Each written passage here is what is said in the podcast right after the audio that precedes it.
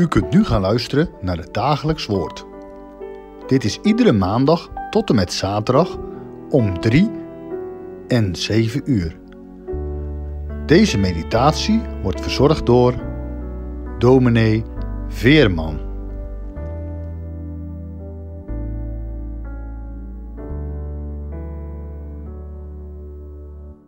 Beste luisteraars, de komende weken lezen we tijdens de dagelijkse meditaties uit 1 Korinthe 15.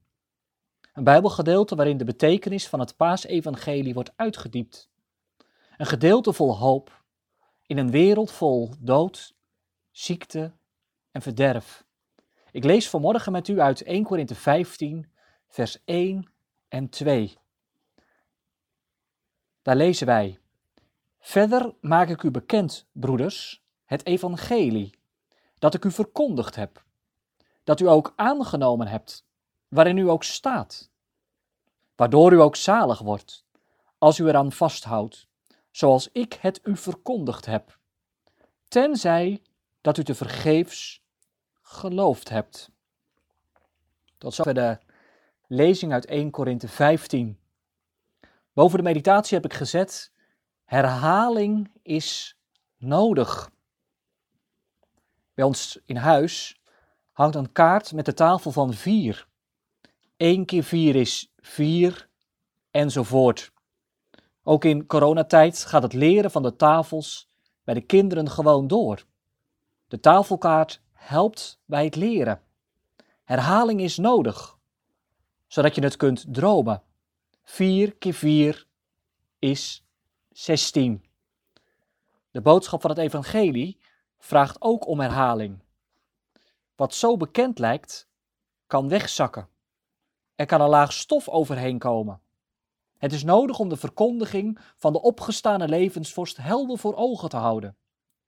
De Heer moet ons elke keer weer bij de les houden. Ogen, oren, hart en ziel worden voor je het weet bij de kern vandaan getrokken. We krijgen de hele dag boodschappen en berichten binnen. Soms lijkt het erop dat corona heerst. Je kunt er zo vol mee raken dat je Christus en zijn opstanding uit het oog verliest. In 1 Korinthe 15 biedt Paulus daarom een herhaling van het paasevangelie.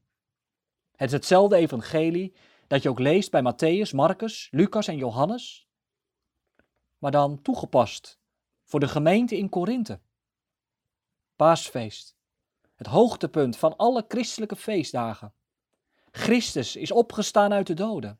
Hij leeft. Geen graf hield Davids zoon omkneld. Hij overwon die sterke held. Op deze dinsdag zo na de Pasen klinkt de jubel nog na.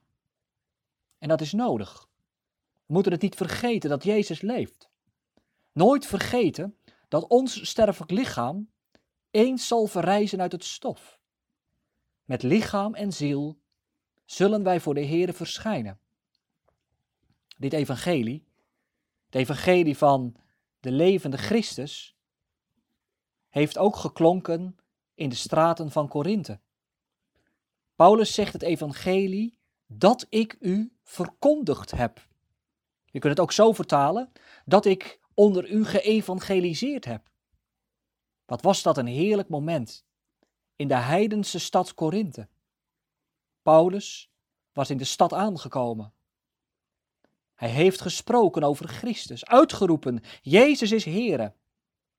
Dat is de boodschap, dat Jezus voor de zonde gestorven is aan het kruishout van Golgotha. Paulus heeft verkondigd dat de gekruisigde ook is opgestaan en leeft en regeert, en zal wederkomen met macht en majesteit, om te oordelen, de levenden en de doden dat ik u verkondigd heb. Ook wij hebben kennis gemaakt met de boodschap van Jezus, die uit de dood is opgestaan. Veel van ons zijn er als kind mee opgegroeid. Wat heeft u ermee gedaan? Bent u door de knieën gegaan? Jezus leven van mijn leven, Jezus dood van mijn dood? In Korinthe vond het evangelie duidelijk ingang. Paulus, hij spreekt erover dat het gehoor heeft gevonden. door de genade van de geest van God, is er in Korinthe een gemeente ontstaan, die het voor leven en sterven, voor de tijd en de eeuwigheid van Jezus verwacht. De verkondiging van Gods woord heeft wat gedaan. Nu doet de verkondiging van Gods woord altijd wat. De boodschap wordt in geloof aangenomen of in ongeloof afgewezen. Waar het evangelie wordt verkondigd, brengt het scheiding, dat u ook aangenomen hebt. Rijk wanneer u dat mag beleiden.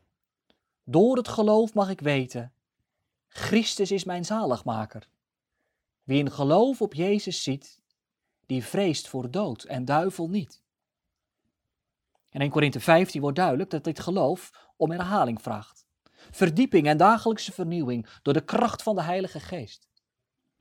Het geloof dat zich aan de belofte van God in Christus vasthoudt, is niet passief. Het ware geloof zoekt ernaar om Christus te kennen in de kracht van zijn opstanding. De opgestane Christus, dag aan dag, in het geloof te omhelzen. Waardoor u zalig wordt, als u eraan vasthoudt. Daarmee wil Paulus zeggen: het geloof in de opgestane Heer Jezus maakt zalig, geeft redding. Waar dat geloof verdwijnt, wordt apostel Paulus scherp. Wanneer de boodschap van Pasen wordt vergeten, dan is het geloof te vergeefs. Dat dreigt in Korinthe te gebeuren. Kernaanval door dwaalleer, een aanval op de kern.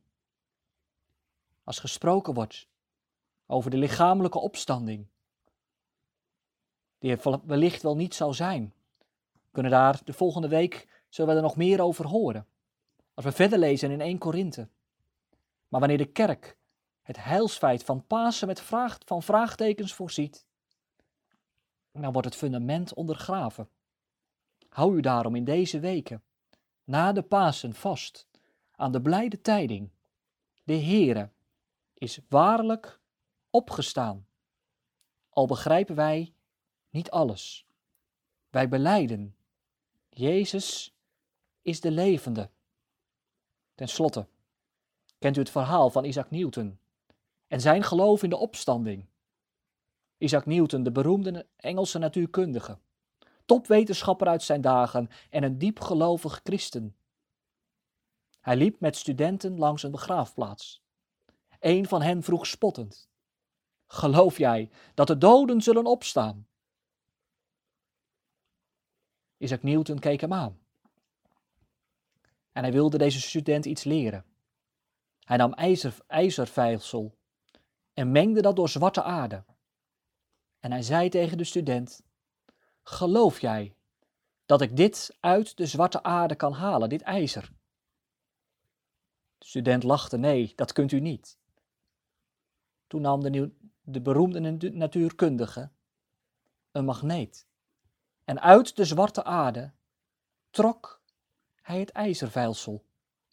Als God een simpele magneet zoveel kracht geeft, zou dezezelfde God dan niet de kracht hebben om de doden uit de aarde te laten opstaan.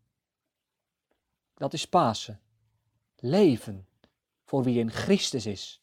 De boodschap dat de Heer Jezus leeft, is nodig om elke keer te herhalen juist in deze tijd. Als er een schaduw over de aarde valt. Als er vele ziekenen zijn. Als er velen zijn die ook worstelen. In ziekenhuizen en verpleeghuizen. Om bij te staan. Als we merken dat lichamelijke krachten afnemen.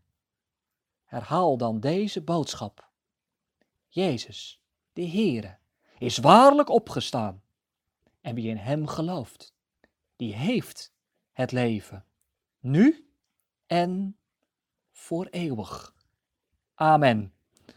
We zullen met elkaar bidden.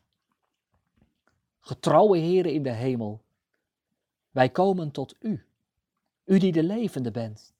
En wij bidden U dat U deze herhalingsoefening zegent. Dat we er aan vasthouden, ja Heere, dat we vastgehouden worden bij dat evangelie dat uw zoon op de derde dag is opgestaan uit de doden. En dat hij leeft. En dat we daar ook alles vinden en hebben voor de tijd en de eeuwigheid. Heren, wanneer we verward zijn, verward door de vragen van het leven, trekt u ons dan met uw geest. Geef ook dat we die oefening van het geloof mogen kennen. Dat we uw beloften omhelzen, in vertrouwen. Dat u ook voor ons bent opgestaan. Wanneer we op een schadelijke weg zijn, geef dan bekering. Richt ons hart, ons hoofd, ons handelen en ons denken op de Heer Jezus. Wij bidden u voor allen die werkzaam zijn in de zorg en in het onderwijs. Geef hen kracht en wijsheid om hun taken te doen. Wij bidden u voor onze overheid. Voor allen die ook in gezinssituaties het op dit moment moeilijk hebben. Kinderen in de knel. O Heer, en ontfermt u zich toch ook over het geheel van deze wereld. Ook over broeders en zusters in de vervolging en de verdrukking. Wanneer er ook armoede is. Wanneer het niet mogelijk is om werkzaamheden neer te leggen. Heer, wees dan ook in die landen waar het zoveel zwaarder nog is. Bewaart u. En Heere, wij bidden u. Laat niet los wat uw hand begon. Vergeef onze zonde en ziet u ons aan in uw Zoon, de Heer Jezus, uit genade. Amen.